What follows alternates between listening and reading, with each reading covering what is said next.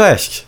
Witam Was w kolejnym odcinku Require Podcast po małej przerwie, bo aż trzech miesiącach, ale wracamy i myślę, że będziemy teraz trochę regularniej wrzucać niż przez ostatnie trzy miesiące. I dzisiaj odcinek czeka nas dość ciekawy, troszkę też inny niż zwykle, e, więc myślę, że możemy przejść do lekkiego przedstawienia odcinka. E, dzisiaj jestem sam, niestety bez Artura, natomiast mam ze sobą gościa, e, a tym gościem jest Przemek Paczowski, autor bloga Kodziak i jest również testerem.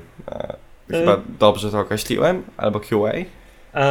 Cześć. Generalnie tak, teraz to de facto bardziej sprawy managementu, ale generalnie całość można określić jako QA, taki quality assurance, bo jakby też trzeba sobie mm, rozdzielić kontekst testowania i QA, ale o tym myślę, że porozmawiamy trochę później. Dokładnie, e, bo jak możecie już się domyśleć, w dzisiejszym odcinku porozmawiamy sobie trochę o testowaniu, e, o tym, czym są testy, jakie mamy rodzaje testów i żeby wprowadzić trochę osoby, które zupełnie nic o tym nie wiedzą, do tego całego świata testowania. Oczywiście skupimy się głównie na frontendzie, tak jak wynika z, z tematyki naszego podcastu. E, I w takiej mniej więcej dziedzinie siedzi e, Przemek, więc myślę, że może być dość ciekawa rozmowa. Również formuła odcinka będzie troszkę inna niż zwykle, bo tak jak zazwyczaj rozmawiamy z gośćmi, no to wychodzi takie dość 50 na 50 powiedzmy w kontekście tego, co mówi gość, w kontekście tego, co my dorzucamy od siebie. Dzisiaj będzie trochę bardziej formuła wywiadowa, gdzie będę ja zadawać pytania bo sam również zbyt dużo o tym nie wiem i e, myślę, że będzie to dość ciekawa opcja, żeby dowiedzieć się i dla mnie, i dla Was. I będę, myślę, zadawać takie pytania, które mogą również zadawać osoby zupełnie początkujące. Więc e, no. myślę, że zaczniemy sobie w ogóle od wprowadzenia do tematu i od przedstawienia mhm. trochę gościa. E, dobra, to tak jeszcze ten moment. E, mam nadzieję, że wszystkim jakby uda nam się e, jakby wprowadzić was trochę do tego tematu, bo ja odnoszę takie lekkie wrażenie w branży, że QA jest lekko pomijalny i mam nadzieję, że uda nam się chociaż troszkę to, troszkę to popchnąć w tą stronę, żeby to zmienić. E, no i możemy przejść do mnie. Mm, ale co chcesz wiedzieć? Powiedz mi dokładniej. Okej, okay, e, więc na czym polega Twoja praca jako QA? E, czym są te testy w ogóle od samego początku? Zajmijmy się tym. Mm, dobra, no to jak wiesz, to w rozwoju programowania generalnie, jeżeli mamy już działający, działający soft i dopisujemy do niego nowe featurey, no to najczęściej przed wydaniem na produkcję musimy je przetestować. Musimy je sprawdzić, czy to, co jakby to tak dosyć prosto powiedzieć, programista zakodował, zgadza się z tym, czego klient od nas wymagał. Znaczy mamy jakiegoś klienta, czy jest to e, jakby in-house, jest to nasz product manager, czy, czy, czy ktoś zewnętrzny. No i generalnie rolą takiej, mm, takiego testera, jakby tutaj w przypadku mówię o testach manualnych, bo testy, tester automatyzujący mm, ma troszkę taki inny scope pracy, o czym myślę, że później sobie powiemy, e, jest to, żeby sprawdzić, czy ten feature spełnia te wymagania klienta. No i przy okazji, czy nie ma tam żadnych defektów i e, jakichś większych e, błędów, tak by to można określić. Mhm. Mm, czyli głównym, główną rolą testów jest po prostu sprawdzenie, czy to, czego, czy to co wprowadzamy, e, nie popsuje nam tego, co już jest obecnie. Są jeszcze jakieś inne powody, dla których warto je pisać? Właśnie nie, nie do końca, bo teraz zobacz tak, e, to co przed chwilą powiedziałeś, czyli to sprawdzamy, inaczej wpuszczamy coś nowego, co nie popsuje nam czegoś, co już jest, to głównie sprawdzają testy regresji, bo testy regresji mm, mają za zadanie potwierdzić, że aplikacja działa nie gorzej e, niż jakby poprzedni build, tak? E, ale to tyczy się głównie istniejących już funkcjonalności, funkcji funkcjonalności. A to jakby mm, czym tak typowo na takim daily basis zajmuje się tester, jest to sprawdzanie, czy jak ta nowa funkcja wchodzi do oprogramowania, to czy ona spełnia wymagania klienta. Czyli na przykład, jeżeli wprowadzamy mm, nowe flow zakupowe, gdzie na przykład y, dodajesz trzy itemy do. Na przykład e, Allegro e, wprowadziło coś takiego fajnego, że jak e, masz stronę produktu, to masz na dole takie, taki mikroboxa, jakby go tak określić, że możesz od razu, masz od razu wybrany defaultowo e, na przykład twój paczkomat, twoją kartę i możesz od razu jednym przyciskiem od razu to zamówić, że nie przechodzisz w ogóle przez etap zamawiania, podsumowania zamówienia. no to rolą takiego testera, jeżeli nie mielibyśmy tego w obecnej wersji e, dla klientów, e, a wprowadzalibyśmy to e, w nowej wersji, byłoby sprawdzenie, czy to faktycznie działa tak, jak sobie to założyliśmy, że ma działać. Mhm. Mm, teraz mam takie pytanie związane z tym, że my mhm. mówimy aktualnie o takich testach, gdzie rzeczywiście tester wchodzi w tą aplikację, sprawdza, ma powiedzmy jakieś określone procedury, które musi wykonać. Natomiast tak. teraz w świecie powiedzmy takiego nowoczesnego frontendu, no niekoniecznie tak to wygląda. Jakby, myślę, że niekoniecznie mamy osoby, które rzeczywiście się prze, przez to przeklikują, bo w coraz bardziej wyskalowanych aplikacjach no, musiałyby być to bardzo duże osoby kładzione na właśnie takich testerów, którzy to wszystko sprawdzali no, i to jeszcze wchodzi kwestia błędu ludzkiego. Tak, Więc zgadza się. mamy aktualnie takie coś jak automatyzację tych testów. E, czym są ogólnie testy automatyczne i jakby na czym one polegają? E, dobra, tutaj generalnie musimy sobie troszkę to rozdzielić, ponieważ jakby testami automatycznymi nigdy nie zastąpimy testerów manualnych. E, test, testy automatyczne, jakby ich głównym zadaniem jest to, aby potwierdzić, że aplikacja e, działa tak, jak wcześniej działała, ponieważ one, one jakby nie, nie są do tego, żeby szukać błędów, no bo jakby to jest po prostu w dużej mierze, mm, w dużej mierze takim założeniem testów automatycznych jest odzwierciedlenie tego, e, zachowania użytkownika, czyli one zachowują się tak, jak zachowuje się użytkownik. Wchodzę na stronę, wpisuję login, hasło, klikam zaloguj. Ja wiem, że po tym zalogowaniu zawsze będę zalogowany. Jeżeli w jakimś przypadku e, zmieniłoby się to flow i na przykład po zalogowaniu trafilibyśmy na stronę settings czy jakąkolwiek inną, no to wtedy testy to znajdą. Zgadza się. Ale e, te testy, jeżeli wprowadzimy nowy feature, e, jakby w ogóle na niego nie wpłyną. Jakby jeżeli my go dodamy, nie zmieniając nic w aktualnych flow, które te testy sprawdzają, e, no to jakby one tego nie znajdą, więc tutaj dalej trzeba znać to rozgraniczenie, że w dużych firmach tak, dalej są zespoły testerów manualnych, są zespoły testerów automatyzujących e, i dalej to jakby działa symultanicznie, bym powiedział. Okej, okay, czyli testy automatyczne możemy tak naprawdę uznać jako takie wsparcie dla testerów manualnych. Tak. Znaczy, tester manualny w teorii będzie w stanie zrobić to samo, co zrobi test automatyczny, natomiast test automatyczny zrobi to szybciej, wydajniej i z mniejszymi tak naprawdę kosztami. Tak, tak. De facto to jest taka duża rola tych automatów, nie? Jakby mm, one zawsze się powtarzają tak samo. Mm, nie ma tutaj właśnie, tak jak wspomniałem wcześniej, czynnika ludzkiego, on się nigdy nie zmęczy. E, on nigdy niczego nie przeoczy, bo jeżeli zakodujesz mu, że ten przycisk ma działać tak, to on zawsze będzie tak działał i on zawsze zostanie sprawdzony. Możemy go uruchomić na wiele różnych środowisk, zresztą tak samo jak powiedzmy wykonać testy manualne, ale one też będą o wiele szybsze i one bardzo dobrze sprawdzają się w, jak już wcześniej wspomniałem, testach regresji, które, które testy te są do tego, aby potwierdzić, że aplikacja działa nie gorzej niż działa poprzednio, nie? Czyli możemy to bardzo tak prosto rozgraniczyć, że testy automatyczne są do sprawdzania tego, co już mamy, czyli tego, co już działa, a testy, e, a testy manualne do sprawdzania tego, co wprowadzamy e, do aplikacji. Okej, okay. myślę, że skupimy się raczej dzisiaj na tych testach automatycznych, bo z punktu widzenia dewelopera będzie to, myślę, ciekawsza sprawa. Znaczy, tester, tester manualny on się rzeczywiście, tak jak powiedziałeś wcześniej, może przydać w przypadku dużego projektu, w przypadku dużej firmy. Natomiast myślę, że w mniejszych niekoniecznie będzie to aż takie potrzebne i takie podstawowe sprawdzenie funkcjonalności, no to przeprowadza to dev podczas pisania kodu. No i później oczywiście jakby dev nie wypuści czegoś, co nie działa, tak? E, mhm. A takie rycie błędów, ich wyszukiwanie, no niekoniecznie zawsze e, jakby ma to sens, bo w przypadku jakichś mniej zaawansowanych funkcjonalności, no nie będziemy tutaj siedzieli pół godziny nad wyszukiwaniem błędu, którego nie ma. Mm. A, więc tak połowicznie jestem w stanie się z tobą zgodzić. E, czy ma sens, czy nie ma, to trzeba sobie zawsze odpowiedzieć. E, ja jestem bardzo fanem tego, żeby mm, jakby tutaj wchodzimy trochę różnicę pomiędzy QA a tester. E, tester to jest właśnie ta osoba, co powiedziałem, co wykonuje te testy i tak dalej. QA to jest generalnie osoba, która dba o jakość w produktach, nie jakość w projektach e, i tym podobnych. I mm, idąc bardziej w tą stronę, ja jestem fanem tego, że quality to jest odpowiedzialność każdego. I dewelopera, i testera, i PM, i PO, i każdego, kto pracuje nad produktem. Mm, więc e, jakby tak, jestem też bardzo za limitowaniem tego, żeby to testerzy manualni testowali, tylko za tym, żeby deweloperzy testowali swoje, swoje rozwiązania, więc ten deweloper musi być e, też osobą taką biznesową. Musi zrozumieć, e, jak ten feature ma działać, żeby być w stanie go przetestować, ale przy okazji trochę być taką osobą dociekliwą, żeby to posprawdzać. I jakby tutaj można się dalej zapytać, to po co nam testerzy manualni?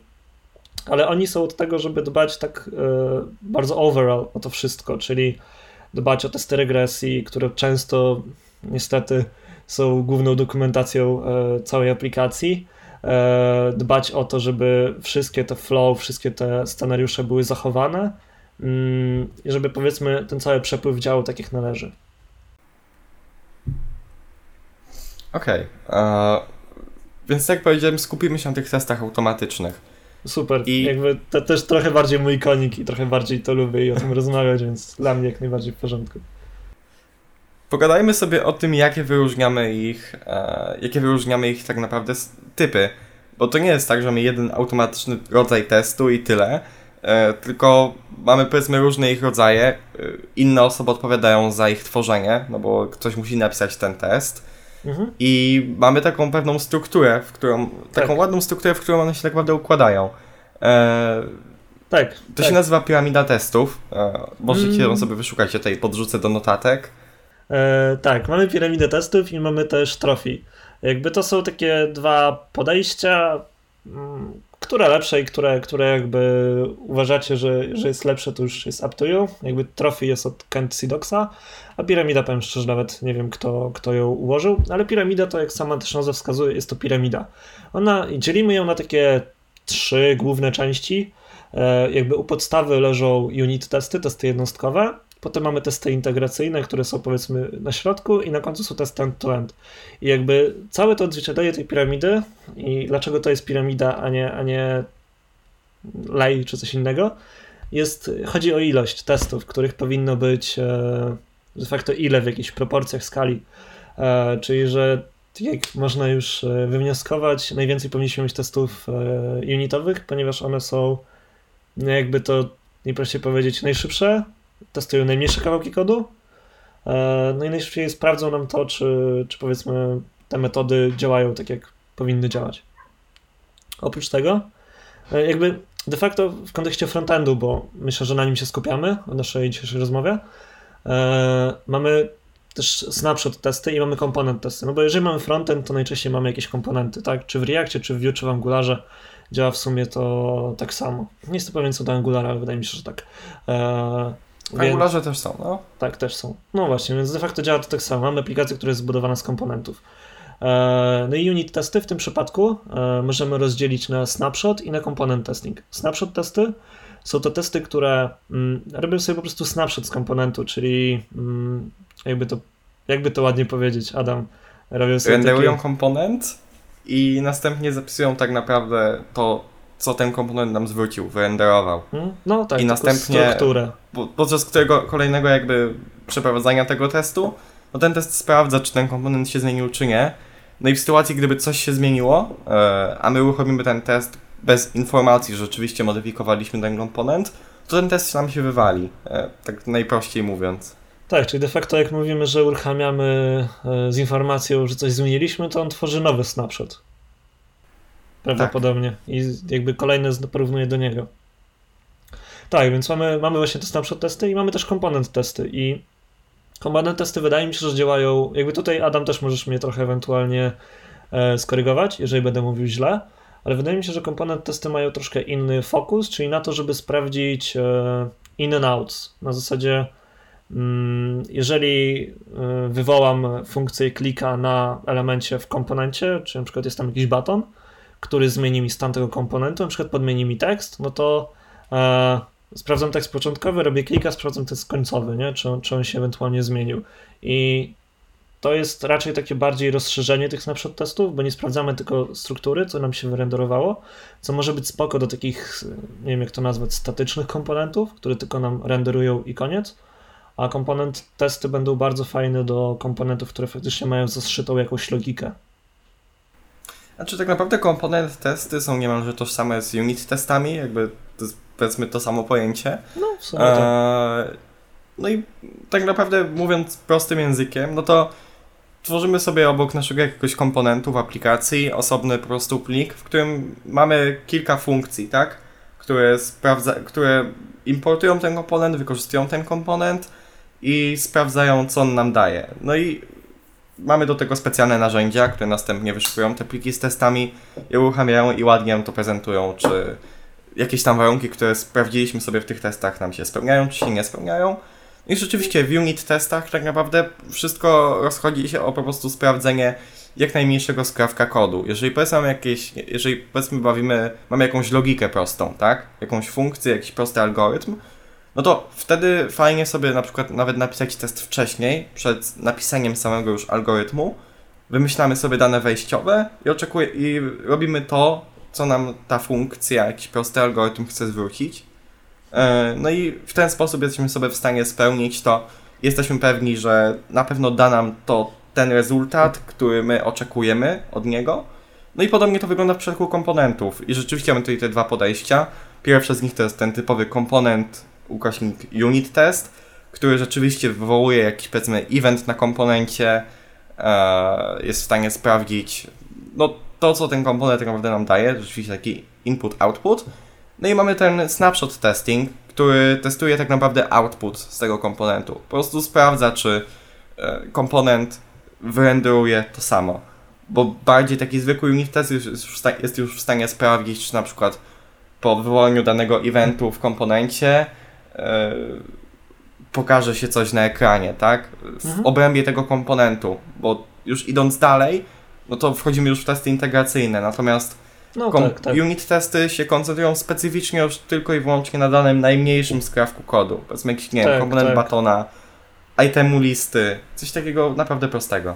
Tak, tak, właśnie to jest ich duża zaleta, bym powiedział. W sensie, jednocześnie zaleta, a z drugiej strony, jakby nie można tego nazwać wadą, ale powiedzmy, że tak patrząc ogólnie mo można by trochę nazwać, e, że testują małe kawałki i są mega szybkie, nie? Jakby uruchomienie unit testów w dużych ilościach to jest kwestia bardziej sekund niż, niż minut czy, czy godzin, jak dojdziemy trochę później. I bardzo... Mam wrażenie, że na unit testach z punktu jako deweloper warto się skupić, no bo to deweloperzy odpowiadają za pisanie tak. unit testów. Tak, zdecydowanie. Tutaj nie mamy, nie mamy QA-ów, którzy będą pisali nam unit testy na skrawkach kodu, które przed chwilą napisał jakiś deweloper. Nie, miałoby się to z celem. Nie, nie, no nie, spotkałem chyba się jeszcze, żeby, żeby tester automatyzujący pisał unit testy. W sensie, ja, jeżeli mam być szczery, biorę to pod uwagę w jakichś e, bardzo takich e, skrajnych sytuacjach. Jeżeli powiedzmy ten tester chce się nauczyć trochę frontendu i tak dalej, no to wejście w pisanie komponent testów wydaje mi się fajnym krokiem. No ale to jest jakaś tam sytuacja, która raczej, raczej nie występuje w takiej codziennej pracy. Ale co jest ciekawe, jakby w komponent testach, to niedawno Cypress y, też wprowadził y, wsparcie dla komponent testów w wersji bodajże 7.0. Tak, tak, tak, tak. To, to też jest taki ciekawe, że właśnie potem trochę porozmawiamy o narzędziach, ale Cypress dąży chyba do tego, żeby pokryć de facto w tym momencie już chyba kryją każdą, każdy, każdy poziom z piramidy, każdy rodzaj testów. W tym momencie tak, no bo komponent, bo to komponent testingu unit testu wykorzystujemy już ten sam stack, który wykorzystujemy przy testach integracyjnych, których powiemy za chwilę. Mhm. Dopiero tam przy end-to-end to się zmienia. Natomiast no Cypress już chce nam objąć to wszystko, ale tak jak powiedziałeś, narzędziami zajmiemy się za chwilę. Tak, tak, tak. Natomiast no, taka wiedza po prostu o unit testach jest przydatna po prostu. Testujemy jak najmniejsze skrawki kodu i możemy teraz przejść już do testów integracyjnych, mhm. które e, tak. testują to, jak te skrawki kodu ze sobą współpracują. Tak, w dużej mierze w testach integracyjnych po prostu, można tak powiedzieć, łączymy te wszystkie metody i sprawdzamy, czy, czy dany, mm, jakby dana, dana całość zachowa się poprawnie. Jakby ciężko to powiedzmy wyjaśnić, jakby to też trzeba być świadomym w przypadku testerów i osoby, które chcą jakby iść w tą stronę, Tutaj trzeba bardzo dużo rozumieć, jak działa frontend, bardzo dużo rozumieć, jak działa programowanie, jak działają aplikacje i tym podobne rzeczy i jak one de facto są zbudowane, więc e, to jest taka wiedza nie na zasadzie um, nauczymy się pisać testy, tylko, tylko jeszcze dużo jest rzeczy pod spodem. E, ale sorry za to wracamy do testów integracyjnych. E, ich rolą generalnie jest sprawdzenie tego, czy te, czy te metody, które mamy e, pojedyncze, to czy razem dobrze współgrają. Czyli na przykład, ja lubię to bardzo na przykładach podawać. Mm, I teraz to, co powiedziałeś o staku, się trochę zastanawiam, bo dla mnie testy integracyjne, mm, do testów integracyjnych potrzebujemy już na przykład tego API postawionego, nie? E, w takim razie, jeżeli wywołamy sobie jakiś endpoint, na przykład do zalogowania, no to pod spodem pójdzie wiele jakby, wiele metod, jakieś zapytanie do bazy i tym podobne, które da nam, coś, coś tam zwróci, nie wiem, czy jakiś token, czy, czy cokolwiek, co możemy, co dostaniemy. WAF jest chyba token, e, jak dobrze, jak dobrze pamiętam. Mm, no i testy generalnie integracyjne są od tego, żeby to sprawdzić, żeby na takim już częściowo żywym organizmie, no w sumie żywym, na działającym API, na, działającym, e, na działającej bazie danych, sprawdzić, czy na przykład te wszystkie endpointy działają nam poprawnie. Znaczy, tak właściwie to już zależy od tego, jakie wybierzemy podejście do testów integracyjnych. Ja mam wrażenie, że one są tak, że to jest taka bardzo zatarta granica między tymi testami unitowymi a testami end-to-end. Właśnie jest takie jedno podejście, że rzeczywiście już działamy na takim półżywym organizmie, gdzie stoi ta baza, gdzie stoi to API. Te wszystkie elementy jakby, mhm. jakby już działamy w środowisku bardziej z testów end-to-end. -end no, no ale tak, też możemy tak. mieć takie testy integracyjne, które działają bardziej w tym środowisku, bardziej unitowym. Typu, no nie wiem, jesteśmy w stanie sobie przetestować po prostu połączenie kilku komponentów na stronie, niekoniecznie jeszcze testując samą logikę połączenia tego wszystkiego z backendem. Tak, i powiem Ci że szczerze, że zawsze mnie zastanawiała ta granica. W sensie, ja tak z poziomu właśnie mojego, czyli takiego testera, QA, mm, widzę to, że dla mnie integracyjne to są w momencie, kiedy ja faktycznie wykonuję API call na, na działającym środowisku, ale tak jak mówisz, nie? jakby w sumie niekoniecznie to musi tak działać, bo to można wszystko zmokować i przetestować same metodki, nie? Mhm, dokładnie. No bo wiesz, tutaj mamy e, jakby ja, ja je trochę odbieram jako bardziej zaawansowane unit testy. Jakby mhm. każdy może to odbierać na swój sposób. Oczywiście. Więc ja to tak odbieram, bo mamy, bo tutaj wychodzi taka pewna wada unit testów, że one są na tyle zamknięte, że e, jakby w pewnym momencie może być taki, taka sytuacja, że może i testy tego danego komponentu przechodzą, ale te testy są tak bardzo e, jakby ograniczone do danego case'u, w sensie one nie są w stanie, one nie są w stanie przetestować, jak ten komponent będzie współpracował z innymi, bo może daje ten sam input i output, no ale może przy jeszcze innych danych coś może nam się popsuć, tak? Albo przy działaniu w innym kontekście. Właśnie w testach integracyjnych my chcemy to sprawdzić, jak te komponenty ze sobą współgrają, bo może i pojedynczy komponent będzie w stanie działać dobrze, e, drugi komponent też będzie w stanie działać dobrze samodzielnie, natomiast to połączenie między nimi może być popsute. I jakby tutaj mamy już to trochę szersze spektrum, którego już nie nazwiemy tym unit testem i właśnie to jest ten test integracyjny. Ale tak, tak jak powiedziałeś, jakby bardzo ciężko jest nakreślić tą granicę, w którym momencie kończy się unit test, zaczyna się integracyjny, no i w którym momencie kończy się integracyjny, zaczyna się end-to-end. Ja no, tak. mówię, odbieram to trochę tak jak jakby jako większe unit testy, gdzie wykorzystujemy ten sam stack do unit testów. Natomiast, no tak jak mówisz, nie zawsze to tak wygląda. No, de facto na, nasze definicje różnią się tym, że ja bym oczekiwał od tego działającego środowiska, a u ciebie tak w sumie może to pomokować jeszcze. Bo mhm, z, z, z, jednej strony test end-to-end jakby bardzo rozszerzył te testy jakby integracyjne. Jakby ja widzę to tak, że testy integracyjne na postawionej bazie, na postawionym API, jeżeli wywołalibyśmy sobie jakiś zestaw API to my to zrobimy o wiele szybciej niż test end-to-end, ale teoretycznie pokrywając większość scenariuszy takich korowych, powinniśmy też sprawdzić dużo, dużo pokryć testów integracyjnych, nie? Jeżeli na takim żywym środowisku, no bo to, co trzeba na pewno zaznaczyć, to do testów end-to-end potrzebujemy takiego żywego środowiska. Żywego, no to mamy postawione wszystkie serwisy i te testy faktycznie, tak jak my jako użytkownik, jako człowiek możemy wejść, tak te testy też mogą wejść na tą aplikację i wykonać takie same kroki, jakie my możemy wykonać. Więc to jest taka bardzo duża różnica. Co do testów integracyjnych, to myślę, że możemy mieć swoje zdanie i jedno, drugie, jedno i drugie moim zdaniem jest bardzo, tak, bardzo dobre. Tak, coś takiego pomiędzy. Tak, zgadza się. No i teraz przechodząc do testów end-to-end, które są mm. takie najbardziej zaawansowane i co chwilę tutaj o nich wspominaliśmy, tak. tak. No z tego co wiem, to ty się nimi zajmujesz na co dzień, bo już do testów end to, bo jakby testy end-to-end już niekoniecznie będą pisane specyficznie przez deweloperów. I tak, tak, tak jak mówisz. nawet częściej mogą one być pisane już przez odpowiedni zespół testerów automatyzujących. Tak, tak. Zwykle do testów end-to-end to właśnie no i właśnie w dużej mierze też do integracyjnych. Eee, właśnie tutaj jest to roz, tenże rozgraniczenie, nie? Eee, do testów end-to-end zwykle to już są odpowiednie osoby, mm, które uruchamiają, to, znaczy uruchamiają, piszą i jakby uruchamiają te testy, przygotowują środowisko i tym podobne rzeczy.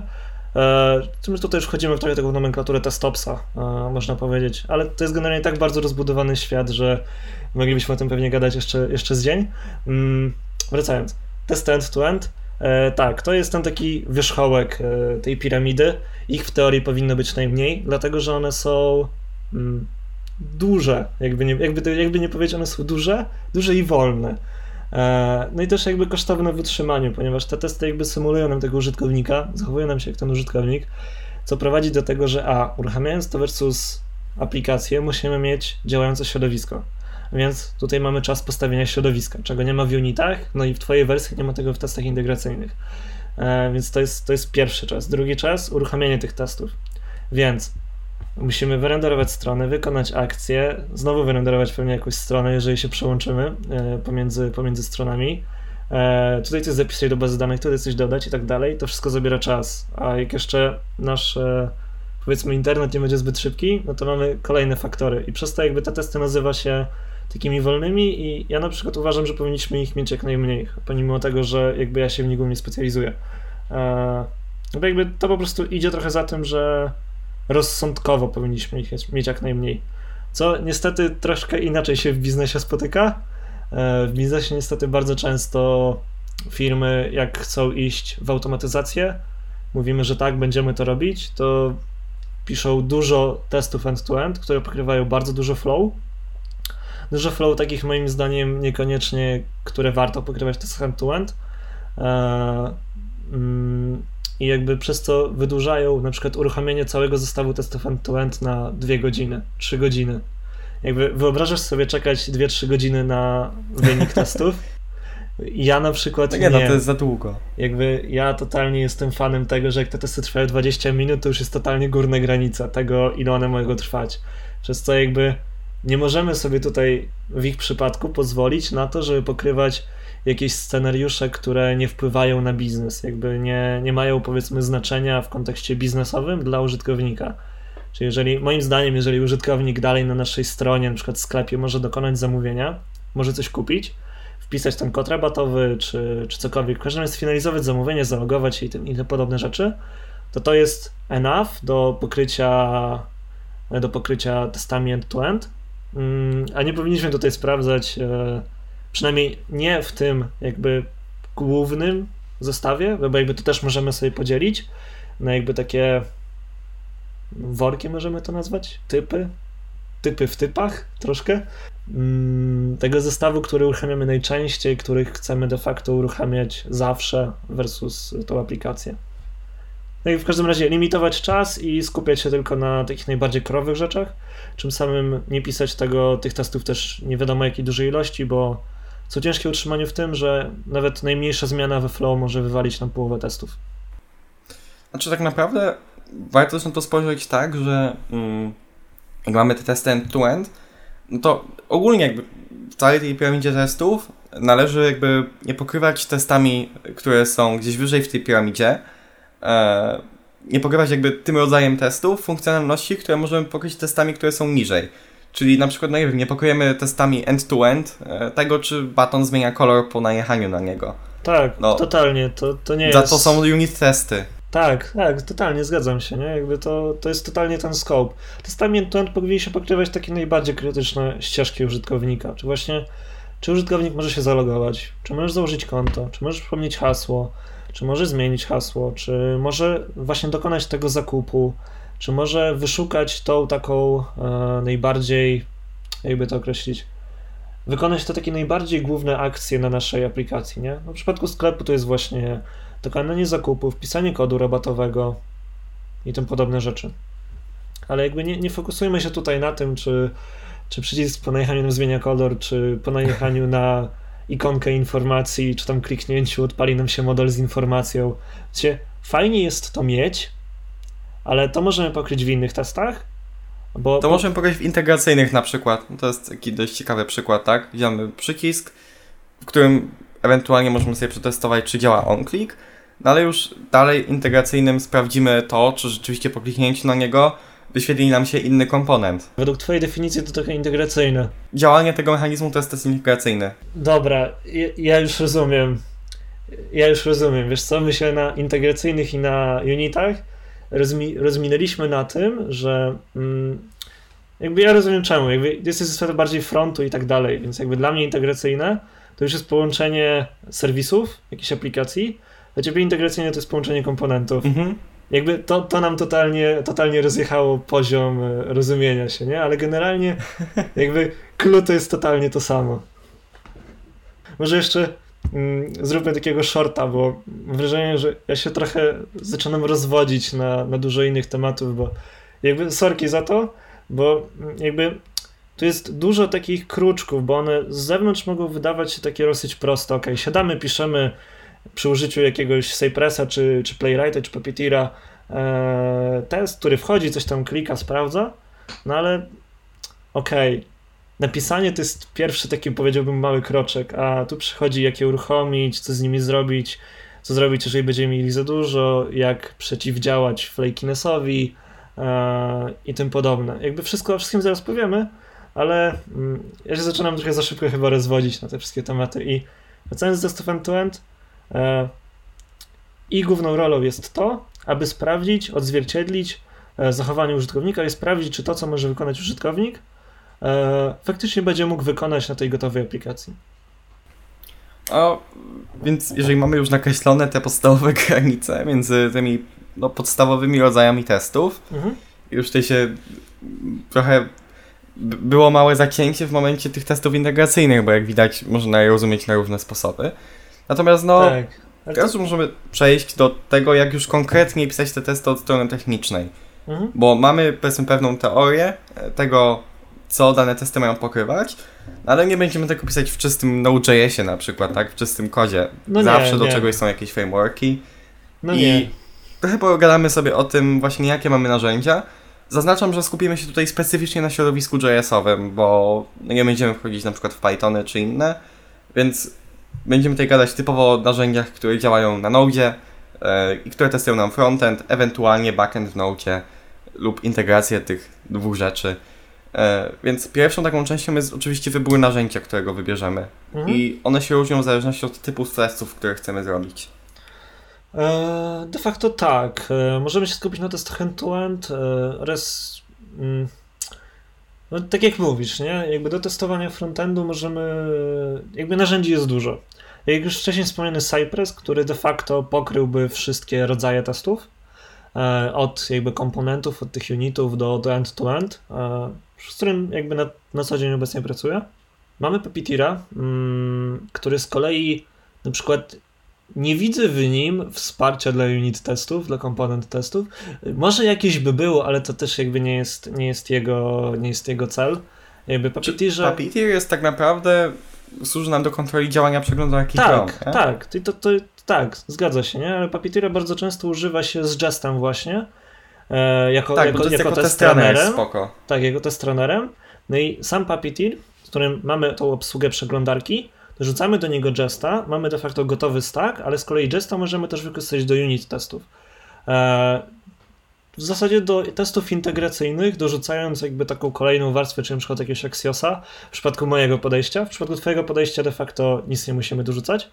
E, mm, mamy taki kompletny gotowy stack, budując, używając tych trzech narzędzi. E, jakby też do takich kompletnych testów. Oczywiście Puppeteer ma, ma takie swojego głównego rywala, można powiedzieć, i to jest Playwright. E, historia z Playwrightem jest taka, że twórcy Puppeteera, Puppeteer był tworzony przez jakby e, ludzi pod Googlem, ekipę z Google'a, jakby nie, nie znam dokładnej historii, w każdym razie jest, jest, jest to narzędzie, jest to rozwiązanie od Google'a.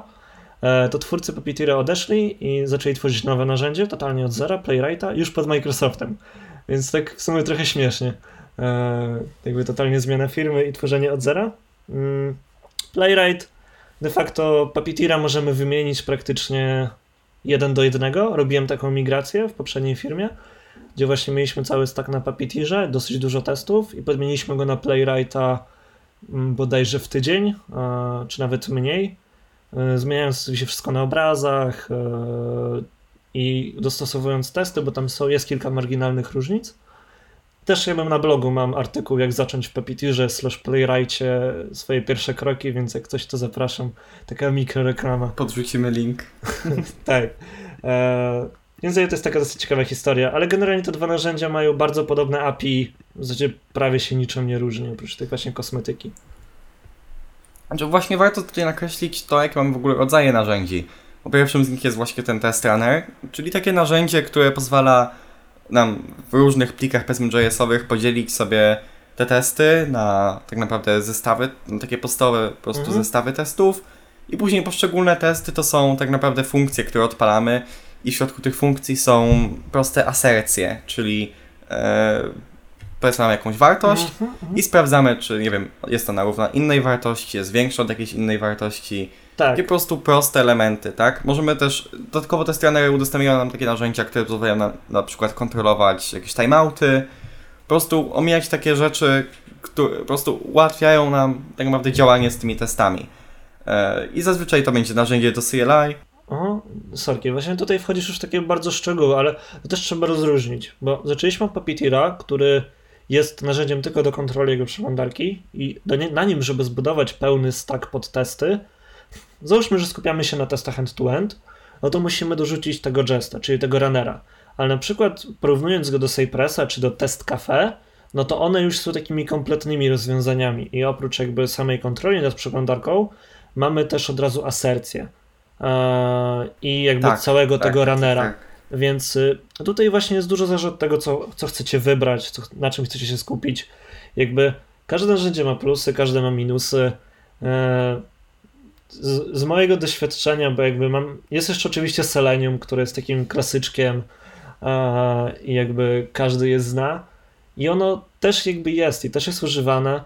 Mm, też jest używane w frontendzie, można pisać w nim w JavaScriptie e, właśnie na WebDriverze i ono też jest kompletnym takim narzędziem, więc de facto e, tutaj to, o czym mówisz, to takim, którym trzeba sobie poskładać, tak można powiedzieć, to jest Puppety i Playwright. A cała reszta jest takimi kompletnymi, które dają ci asercję, runnera i kontrolę nad przeglądarką. Z tym, że no właśnie tak jak mówisz, no Cypress był wcześniej tworzony typowo pod jakby testy end-to-end. Mhm. Jego zadaniem było tak naprawdę kontrola przeglądarki plus uruchamianie tych testów, które kontrolowały mhm. tę przeglądarkę. Tak. Natomiast w Jeście i Puppeteerze, czy tam Playwrightie właśnie składamy sobie to. Mamy ten test runner, który również można wykonywać testy e, jednostkowe. Bardzo ciekawa rzecz związana właśnie z Jestem jest taka, że on od razu też zawiera e, narzędzie do snapshot testingu. Mamy tak, na przykład tak. do niego fajne biblioteki jak React, React, React Testing Library, do na przykład testowania Reacta, więc ja osobiście bardzo dużo z Justem się spotykam w przypadku testów właśnie jednostkowych. Eee, tak. No i tak jak mówisz, można również go wykorzystać jako runner po prostu do takiego składanego zestawu do testów end-to-end. -end, tak, połączenia właśnie z Puppeteerem czy Playwrightem, które służą typowo do kontroli przeglądarki. To jest po prostu narzędzie, które e, daje nam jakieś API, uruchamia powiedzmy Chroma e, w takim izolowanym trybie i po prostu nam pozwala kontrolować wszystkie akcje, tak? Po prostu mhm. przejdź tak, na tą stronę, tak, tak. kliknij to, przej, najedź tam i tak dalej, i tak dalej. Tak, Więc, tak, tak bardzo mamy tutaj, mówiąc to tak. Więc mamy tutaj takie, kilka takich narzędzi właśnie, które pozwalają nam e, sobie to testować.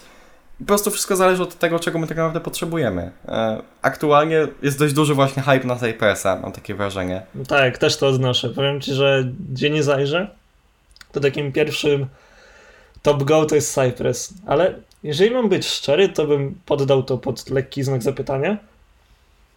Na zasadzie, że Cypress ja mam jakby większe doświadczenie w Puppeteerze e, w pisaniu, bo w Puppeteerze mam chyba za 3 lata, e, czy 2 lata, coś takiego. No ale generalnie mam dużo większe niż w Cypressie i jakby ja widzę w Cypressie to, że on ma, on ma on jest bardzo fajny do szybkiego tworzenia testów. Naprawdę, tam się tak mega szybko pisze, że, że aż jestem pełen podziwu. Ale ma, przez to ma swoje ograniczenia. jak chcemy zrobić jakieś takie operacje, które w Puppeteerze ja bym napisał od ręki, to może przez to, że nie znam narzędzia aż tak dobrze, jakby nie wykluczam, to ja odnoszę wrażenie, że on przez tą swoją mm, zabudowę mm, nie daje nam takiej swobody. Bo jakby w Puppeteerze przyłączyć się na kontekst jakby przeglądarki e, i wykonać kod w przeglądarce, a nie w kontekście Puppeteera, bo to też jest różnica, e, no to jest jedna metoda, nie? I piszesz sobie po prostu e, używając metod takich jak na froncie, czyli nie wiem, document.query i tak dalej, bo jakby Puppeteer ma swoje API pod to. Mm, w Cypressie może też się da, nie wiem, jeszcze się z tym nie spotkałem, bo jak chciałem e, robić jakieś bardziej takie zaawansowane operacje, to musiałem szukać workaroundów, bo większość jest przewidziana właśnie na to, żeby szybko napisać te testy i żeby one działały, co jest jakby mega super, bo jak tutaj wspomniałem, szybko się pisze, szybko się stawia, jest proste, jest przyjemne dla użytkownika, no i przede wszystkim jest też kompletnym narzędziem, e, które na frontend daje, tak jak w Puppeteerze mamy stack z Jestem, tak tutaj mamy od A do Z. Fajna też sprawa w Cypress jest taka, że jakby on daje kilka opcji takiego przeklikania się w tej przeglądarce. Mhm. On ma. On tak, bardzo tak. fajnie rozszerza tą przeglądarkę. Mamy jakby tak całkiem fajne widoczki. Natomiast no, w Puppeteerze, o ile wiem, to tego nie ma. Nie, testy Puppeteera, debug, debugowanie testów Puppeteera versus debugowanie testów Cypressa to jest nieba a ziemia. Jakby naprawdę. E, Cypress z ich z swoim runnerem zrobili bardzo dobrą robotę jakby, żeby nie było, bo ja tak trochę gadam na Cypressa, ale naprawdę bardzo go rekomenduję na początek. Bardzo łatwo zacząć, jest, pro, jak wspomniałem, jest w miarę prosty. Widzimy podgląd krok po kroku, zapytanie po zapytaniu, co się, co się dzieje z naszą aplikacją, kiedy piszemy test. I tego chyba nie ma w innych narzędziach, a przynajmniej nie, nie ma tego na 80% Selenium, na 80% w Test Cafe, na 100% w Puppeteerze. E, tam debugowanie testów jest o wiele trudniejsze. E, oczywiście możemy sobie debugera z kodu odpalić i, i tym podobne i, i tak działać. I to tak też się robi często. No ale w Cypressie mamy to out of the box i działa to naprawdę wyśmienicie. O, więc kiedy mamy już wybór narzędzia za nami, no to mamy też kilka rzeczy, na których warto się skupić podczas jakby tak, pisania tak. testów. Nie będących, niekoniecznie będących jakby samym już kwestią wyboru narzędzia, bo tak jak mamy w programowaniu, no wybór frameworka to nie jest y, jakby, to nie jest jedyna rzecz, którą trzeba zrobić. Musimy dodatkowo tą aplikację gdzieś wydeployować. I tak samo się mniej więcej robi z testami. Te testy również trzeba gdzieś odpalać, gdzieś deployować, y, na czymś wykonywać, żeby rzeczywiście one nam pomagały, no bo co no, uruchomienie testów na działającej produkcji, no to jest takie, trochę to się mija z celem, więc żeby to wszystko miało ręce i nogi, no to musimy gdzieś je odpalać, żeby rzeczywiście one testowały nam to, i ułatwiały nam pracę, bo, takie jest, bo taka jest tak naprawdę ich rola. Tak, zgadza się. No, pierwsza rzecz to jest to, żeby. To powiem Ci tak, wchodzimy na bardzo duży temat, bardzo szeroki temat. To myślę, że fajnie, to jakby, jakby mam, mam dużo przemyśleń na ten temat. E, pierwsze co to jest właśnie testy, które testują faktycznie, czyli o czym już chwilę wcześniej rozmawialiśmy. E, jakby pisząc te testy, one muszą sprawdzać. One muszą jakby sprawdzać to, co powinny sprawdzać, a nie, że nam się wydaje, że coś sprawdzają. I to jest, ja, ja odnoszę wrażenie, częsty problem, mm, że faktycznie są napisane testy, które coś robią, ale nie wiadomo, co robią. Albo coś po prostu robią, nie? Ale jakby nie wiemy, czy one sprawdzają to, co, co, co mają sprawdzać, czy nie. Mm, więc to jest taka pierwsza rzecz, e, na którą trzeba jakby bardzo zwracać uwagę. Druga, to teraz trzeba te testy uruchomić. Tak jak już wspomniałem wcześniej, jakby napisanie testu to jest bardzo mały kawałek tego wszystkiego. Jakby uruchomienie tego testu i przygotowanie tego całego środowiska to jest kolejny duży kawałek. No bo jak wiesz, w nowoczesnym programowaniu, w nowoczesnym jakby, może nie programowaniu, źle określiłem, e, frontendzie i pisaniu aplikacji frontendowych mm, mamy, mamy frameworki, e, mamy jakiś CI/CD, tą aplikację raczej dowozimy od razu na produkcję. E, oczywiście są też aplikacje releasowane w, dużym, w dużej mierze i tam też jakby to wszystko da się pospinać, no ale raczej nowe podejście to jest od razu dowożenie na produkcję. Na produkcję. No i teraz tak. E, możemy testy uruchomić versus środowisko produkcyjne, ale w moim mniemaniu to już jest o wiele za późno, bo jeżeli my je uruchomimy po wydeployowaniu kodu na produkcję, uruchomimy testy i dowiemy się, że coś się, na przykład coś nie zadziałało, nie zadziała nam logowanie, no to co teraz? musimy szukać szybkiego hotfixa i nie wiem, pół godziny, 20 minut, zależnie od naszych pipeline'ów, e, zanim użytkownik zobaczy tego hotfixa, tak? I zanim użytkownik znowu będzie mógł się zalogować, więc to jest strata łącznie z uruchomieniem testów i zanim dostaniemy te raporty i tak dalej, strzelam na około pół godziny do 400 minut, tak? No to jest dużo za dużo na to, że możemy sobie pozwolić. A, jeszcze trzeba tego fixa napisać, więc strzelajmy, że do godziny to się zamyka. E, więc ja bym powiedział, że to jest dużo za dużo, więc musimy uruchomić je przed deployem. Przed deployem mamy najczęściej środowiska typu staging, e, które no, w zależności od tego, jak to mamy wszystko pokonfigurowane, e, trafia tam jeden, jeden merge request, czy tam pull request, więcej. To już jest takie nawet dobre środowisko do uruchomienia tego, ale też zależy. Ja jestem bardzo, bardzo fanem uruchomienia testów i stawiania pełnego, kompletnego środowiska e, pod testy. Co znaczy pełne i kompletne środowisko, bo to jeszcze może nie, nie zostało do końca powiedziane. Jeżeli mam aplikację, która ma jakiś backend i ma jakąś bazę, to pod test end-to-end moim zdaniem powinniśmy stawiać ten backend i tą bazę, tą bazę świeżą, e, feedować ją fixturami, czyli danymi, nad którymi mamy kontrolę, ponieważ testy w tym przypadku zawsze będą miały ten sam stan aplikacji. Tym samym limitujemy ich taki flakiness, no bo jeżeli testy będą miały mm, raz na przykład 5 elementów na liście, raz 8, raz 10, no to one muszą na to wszystko reagować, tak? Czyli one muszą być odporne na, na to, co dostaną na początku, przez co robimy taki trochę, bym powiedział, bardzo niepotrzebny narzut kodu, bardzo niepotrzebne elementy takie, które mogą nam się w jakimś stopniu wywalić. No bo te testy też są bardzo podatne na e, szybkość e, internetu i tym podobnych rzeczy. One po prostu mają takie dużo, dużo faktorów, które na nie wpływają.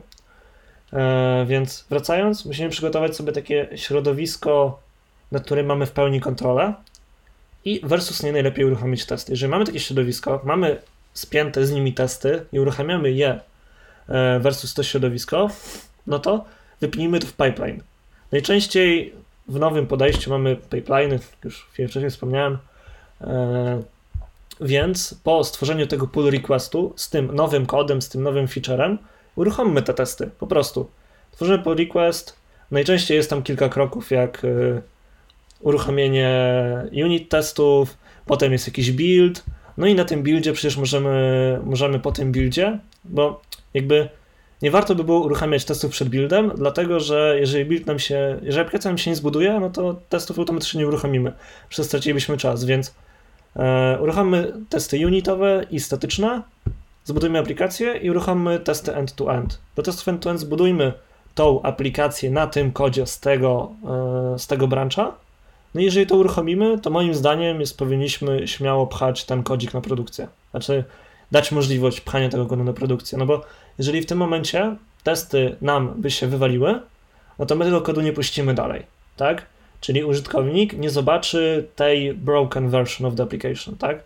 Czyli mm, jakby minimalizujemy ryzyko tego, że użytkownik e, zobaczy naszą aplikację w nie najlepszej formie, tak bym powiedział. Tutaj może Andrzej Krzywda by się ze mną trochę nie zgodził, bo z tego co wiem ma troszkę inne podejście, ale e, każdy ma swoje. Tak akurat przydaje się właśnie to, o czym mówiłeś wcześniej, żeby te testy nie trwały dłużej niż 20 minut, bo mhm. czekanie powiedzmy godzinę, że będzie można zmerge'ować merge requesta. No nie. No to... oczywiście mamy takie jak code review, no ale nie zawsze jest to oczekiwane, nie? Nie, to jest totalnie wiesz nogą, nie? Jakby jeżeli ja pracując nad jakimś featurem, miałbym czekać dwie godziny, zanim mi testy przejdą, żeby to móc zmerdżować. No nie, ja bym tak nie chciał. Ja też zawsze staram się pracować tak, jak ja bym chciał po prostu, nie? Jakby proste. Pokrywamy najbardziej korowe flow. Mm, jeżeli jest ok, no to puszujmy to dalej, tak? Jakby trzymajmy się jakichś takich rozsądnych czasów. Jakby takie testy, inaczej, nasza aplikacja może być tak duża, że będzie wymagać takich kilkugodzinnych testów, ale ja nadal wierzę, że jesteśmy w stanie wybrać wtedy takich kilka korowych, e, kilka takich najbardziej krytycznych testów i je uruchamiać zawsze, a te, jakby cały ten zbiór, który trwa na przykład godzinę czy dwie, uruchommy sobie na przykład w nocy, kiedy nikogo de facto nie interesuje, ile to będzie trwało, a my po prostu przychodząc rano do pracy będziemy mieli pełny raport z tym, czy testy nam się udały, czy się nie udały. No ale to dalej. Ja jakby nie jestem osobiście fanem takich rozwiązań. raczej wolałbym nie, jakby nie rozszerzać ilości testów end-to-end na aż tyle przypadków, żeby to trwało godziny. Raczej starajmy się trzymać takich w miarę rozsądnych czasów. Zresztą zawsze ten czas możemy też troszkę, troszkę polepszyć, na przykład korzystając z paralizacji, czyli uruchommy mamy na przykład 100 testów, no to uruchomimy 5 instancji po 20 testów na każdą instancję. Tym samym, jeżeli testy trwały nam załóżmy godzinę, no to zamkną się w 20 minut. Tym samym mamy już duży zysk. Oczywiście to wszystko jest kwestia odpowiednich zasobów, ludzi, którzy nam to pospinają wszystko, no bo jakby tester automatyzujący w moim mniemaniu nie musi znać się na jakby na stawianiu środowiska, na dockerze i tym podobnych. On powinien umieć napisać dobry test. E, tutaj wchodzimy w taką rolę testopsa, która troszkę się tak łączy z tym DevOpsem. E, no i ten testops już powinien jakby, czy tam przy pomocy DevOpsa pospinać takie środowisko. Okej. Okay. Myślę, że taki, że wyczerpaliśmy ten temat i możemy przejść trochę dalej.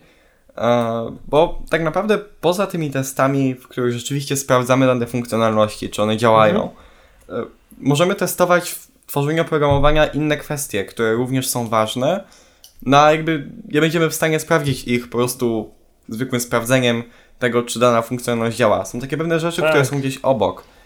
I tak. Właśnie teraz o nich warto wspomnieć. Na przykład mamy takie jak statyczne testowanie kodu, z którym większość deweloperów spotyka się na co dzień. E, a polega ono na tym, że mamy jakieś narzędzie, które cały czas patrzy na nasz kod, na to jak on wygląda, nie uruchamia tego kodu, ale cały czas na niego patrzy i sprawdza, czy mamy jakieś common patterny, które są na przykład złe. Takim bardzo popularnym narzędziem jest na przykład S-Lint, który, który myślę, że jest w prawie każdym projekcie nowoczesnym frontendowym. I po prostu cały czas, no każdy, kto z niego korzystał, wie jak to działa, tak? No tak, Powiedzmy, tak nie myślę. wiem, mamy, użyjemy, nie wiem, z, na przykład chociażby użyjemy leta yy, i później nie będziemy go modyfikować, czyli moglibyśmy równie dobrze skorzystać z consta, no to wtedy Eswin nam powie, że no hej, lepiej będzie, jeżeli skorzysta z konsta. Po prostu takie, takie narzędzia, które cały czas dbają o naszą statyczną, jakby statycznie, bez uruchomienia tego kodu, dbają o jego jakość. Tak, A... oczywiście. Mm, to, sorry, chciałem się trochę wtrącić, bo jakby też pisząc testy de facto piszemy po prostu kody, więc e, można to nazwać, że pliki testów też są testowane statycznie. Jakby bardzo często na przykład Cypress ma bardzo fajne rulesy, gdzie mm, założeniem w Cypressie na przykład jest to, że nic nie zwracasz jakby z, z tych metod i tak dalej i chociaż nie, to może trochę głupoty gadam, ale coś się z tym spotkałem, że tam raczej returnów się nie używa. Mm, jakby to też jest, e, jest rulesów, że jak użyjesz, no to ci wyświetli na czerwono, podkreśli, że nie, sorry, tego nie używaj. Mm, więc jakby to też jest dosyć fajne mamy też w pewien sposób systemy typów w językach programowania są też testami. Bardzo, jakby niekoniecznie aż tak to możemy nazwać powiedzmy w takich językach jak C Sharp, które są bardzo silnie typowane. Te typy są bardzo zintegrowane jakby z tym językiem. Mhm. No mamy takiego TypeScripta, który kompiluje się tak naprawdę do JavaScriptu. E, no to ten jego system typów możemy nazwać w pewien sposób jakby taką, takim testem tak naprawdę. No, zgadza się.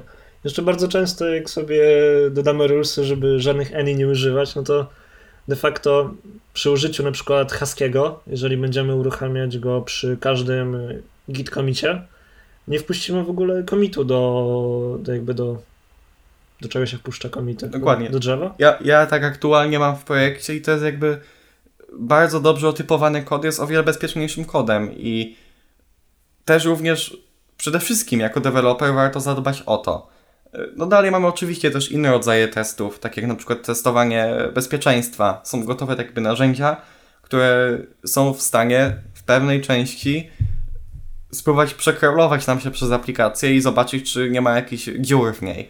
Tak, e, tak, oczywiście. Mamy, mamy testy wydajności, również gotowe narzędzia, które są w stanie sprawdzić wydajność naszej aplikacji.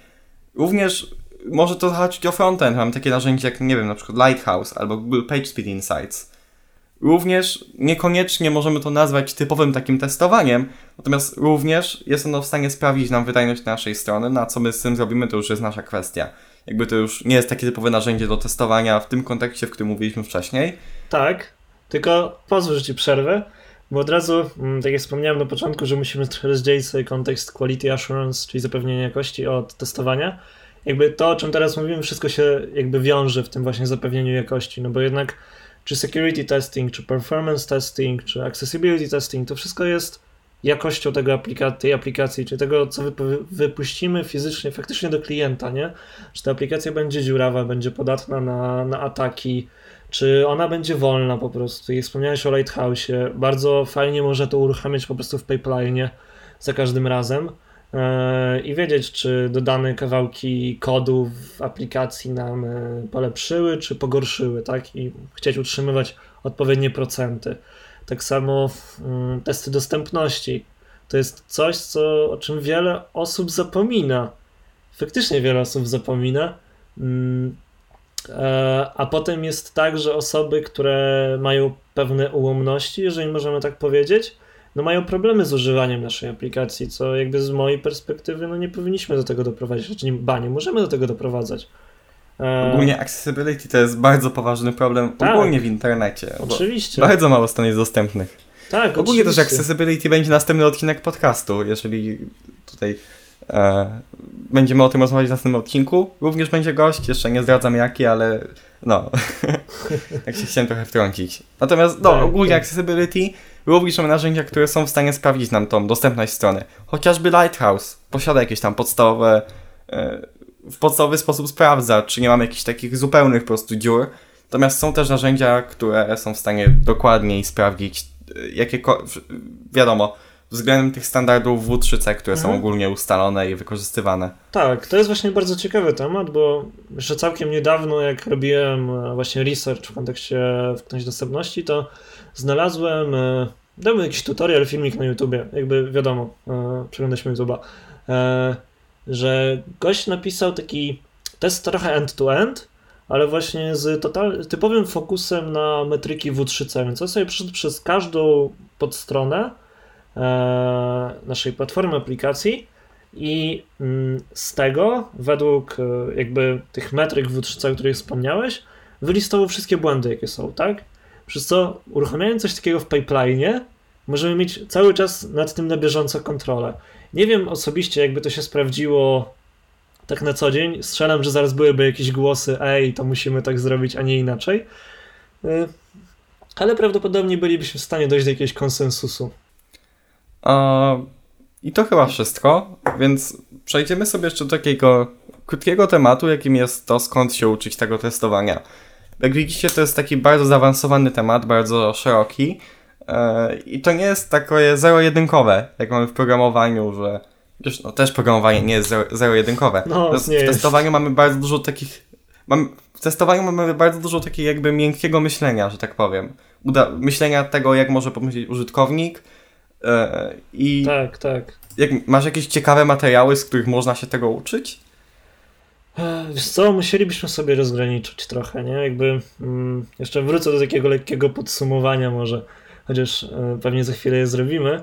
Jakby generalnie cały obszar testowania, on się może wydawać mały, ale on jest ogromny, bo tak jak już dzisiaj w naszej rozmowie wspomnieliśmy, mamy od testów manualnych, gdzie jest naprawdę dużo, dużo aspektów, przechodzimy do testów automatycznych. Testy automatyczne jakby mają swoje warstwy, te warstwy są pisane przez różne osoby, niekoniecznie przez, e, przez testerów automatyzujących tester automatyzujący, jakby oprócz tego napisania testu, ma to uruchomienie, jakby powinien mieć z tyłu głowy, jak to uruchomić, jak to spiąć w pipeline e, i tym podobne. Mamy wszystkie inne rodzaje tych testów, jak właśnie security, performance, accessibility i to niekoniecznie są też jakby kompetencje tych testerów automatyzujących, bo tester automatyzujący taki najczęściej, jaki się go spotyka, to jest osoba, która automatyzuje frontend, no albo mobilki, tak? Frontend mobilki, czasami, czasami, e, znaczy czasami, bardzo często jest jeszcze to znajomość jakiegoś postmana, czy właśnie insomni, ale postman chyba jest bardzo czę częściej spotykany, e, żeby być w stanie przetestować właśnie sobie ten backend. No i ewentualnie trochę SQL, żeby wyciągnąć dane, tak? E, to jest powiedzmy takie bardzo zamknięcie, no ale oprócz tego mamy to jest jak, jak ich się nazywało? Testerów właśnie penetra testy penetracyjne to są researcherzy, tak można je nazwać, white hatci. White no na pewno white hat mamy to określenie. No, tak, właśnie brak, brakuje mi tego określenia, jakby jak to stanowisko się nazywa, ale właśnie tym security, taki inżynier, który dba właśnie o to, tak? To zwykle to jest ich taka rola tego performance. Tutaj zwykle to jest też bardzo duża gałąź, duża, taka, duża, w którą mało osób się specjalizuje, mam wrażenie, a też właśnie mega ważna. No i dostępność, o którym mało, mało kto pamięta, o którym powinniśmy częściej pamiętać. Wróćmy do materiałów. Ja robię krótkie podsumowanie, które chyba nie powinienem robić. E, e, wróćmy do materiałów. E, ja bym wam chciał podać trochę materiałów, ale w kontekście nauki testów frontendu, czyli właśnie Cypressa, e, takiego stania się taki, taki, takim trochę quality inżynierem, które do końca nie jest to takie też poprawne określenie, bardziej takim testerem automatyzującym. Mm, I tutaj jest na pewno taki bardzo fajny roadmap, który wyszedł całkiem niedawno, e, może z pół roku temu, może z rok temu, może z kilka miesięcy temu, nie pamiętam kiedy to jakoś dokładnie się ukazał, ale jest naprawdę bardzo fajny. A 19 lutego e, on jest naprawdę bardzo fajny, bo on przechodzi od momentu podstaw e, quality assurance, czyli tego zapewnienia jakości, e, tego o czym dzisiaj trochę rozmawialiśmy, do tego, że trzeba poznać podstawy takiego Internet Fundamentals, tego jak są zbudowane web aplikacje, podstawy programowania, podstawy jakby testów, testowania automatycznego, E, podstawy de facto też agile'a, czy właśnie tej pracy, jak obecnie się wykonuje oprogramowanie, przez e, unit, API automation, web UI automation, do CI/CD, właśnie wracając na końcu do performance, accessibility, security i mobile testingu. Czyli jakby tutaj przejdziemy przez wszystko i to moim zdaniem jest bardzo fajne do przestudiowania. E, skupienia się przynajmniej na tych zaznaczonych kwestiach Mm, bo to da już wam bardzo takiego bardzo otworzy wam oczy, jak złożony jest to temat i co mniej więcej trzeba poznać, chociaż w podstawach, żeby w tym się dobrze poruszać. Bo oczywiście można wejść w Cypress First Steps, zobaczyć jak ludzie piszą testy i to napisać, no ale bez znajomości tego, jak to działa pod spodem, bez znajomości tego, jak to działa pod spodem, ciężko będzie wam poruszać się w takim bardziej zaawansowanym środowisku. I jakby moim, tak jak ja, jak, ja kogoś rekrutuję, dla mnie to jest must have i jeżeli widzę kogoś, kto tylko napisał kilka testów i on nagle chce robić w tym tak naprawdę na poważnie, ja wiem, że on się pogubi, bo jakby znajomość, umiejętność pisania testów to, to nie jest wszystko jeszcze. Znajomość programowania, podstaw programowania jest bardzo dużo i bardzo dużo zmienia w jakości tych testów, które piszecie więc tutaj też polecam bardzo skupić się na, na patternach, na takich po prostu podstawach tego, jak pisać. Mm. No i w materiałach, które znajdziecie pod odcinkiem, są jeszcze dwa filmiki na YouTubie. No i jedna strona, o której zaraz powiemy. Eee, jeden to jest Oli Kunysz, która, która jest, no podejrzewam, że dla większości z Was znana. E, robię fajny webinar właśnie o, o testach end-to-end w Cypressie. Moim zdaniem warto zerknąć. E, ja go obejrzałem i był no, naprawdę bardzo fajny. E, jeden z linków jest do podstaw właśnie też pisania w Cypressie. Ale tak jak też wspomniałem, to zostawcie może sobie troszkę na później, no bo jakby oprócz samych testów warto zrozumieć, jak działa programowanie, jak programować i, i tym podobne rzeczy. No jest jeszcze link do Guru 99, który dla testerów myślę, że jest to dosyć taka kompendium wiedzy. Tam jest totalnie wszystko, czego byście się nie spodziewali spodziewali. Między innymi performance testach, po prostu o testach, o webie, o test managemencie, to też jest bardzo ważny temat. E, I dużo różnych innych rzeczy. Ale jakby, bo typowych takich materiałów, powiem wam szczerze, ciężko znaleźć. Ciężko znaleźć takie materiały, które wam, was przeprowadzą od A do Z. To jest myślę, że jak w programowaniu, to po prostu trzeba szukać. Szukać, yy, szukać, no i w sumie szukać. I jakby też dużo samemu próbować, no bo jakby wszystko de facto bierze się z doświadczenia.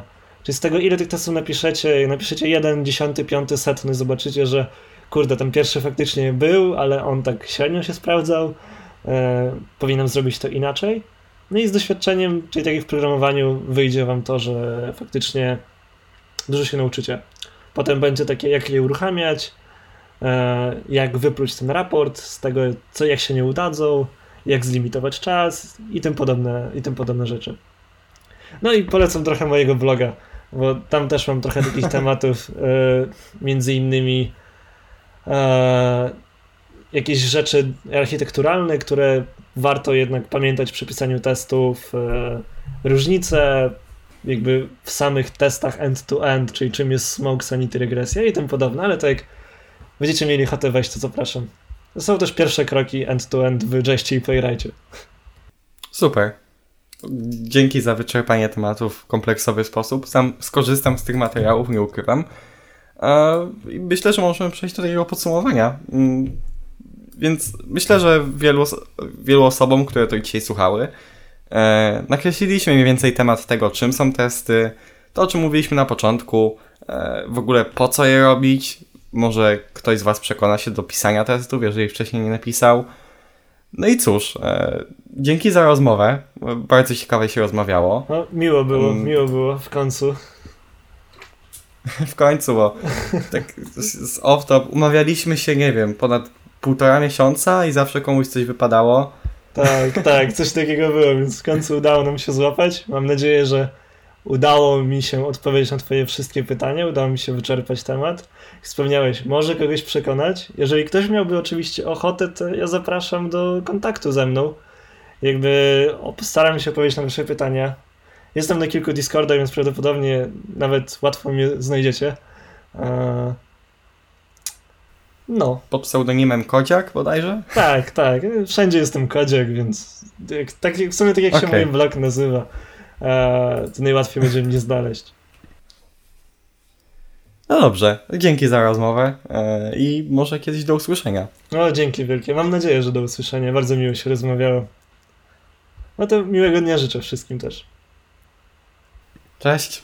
Cześć.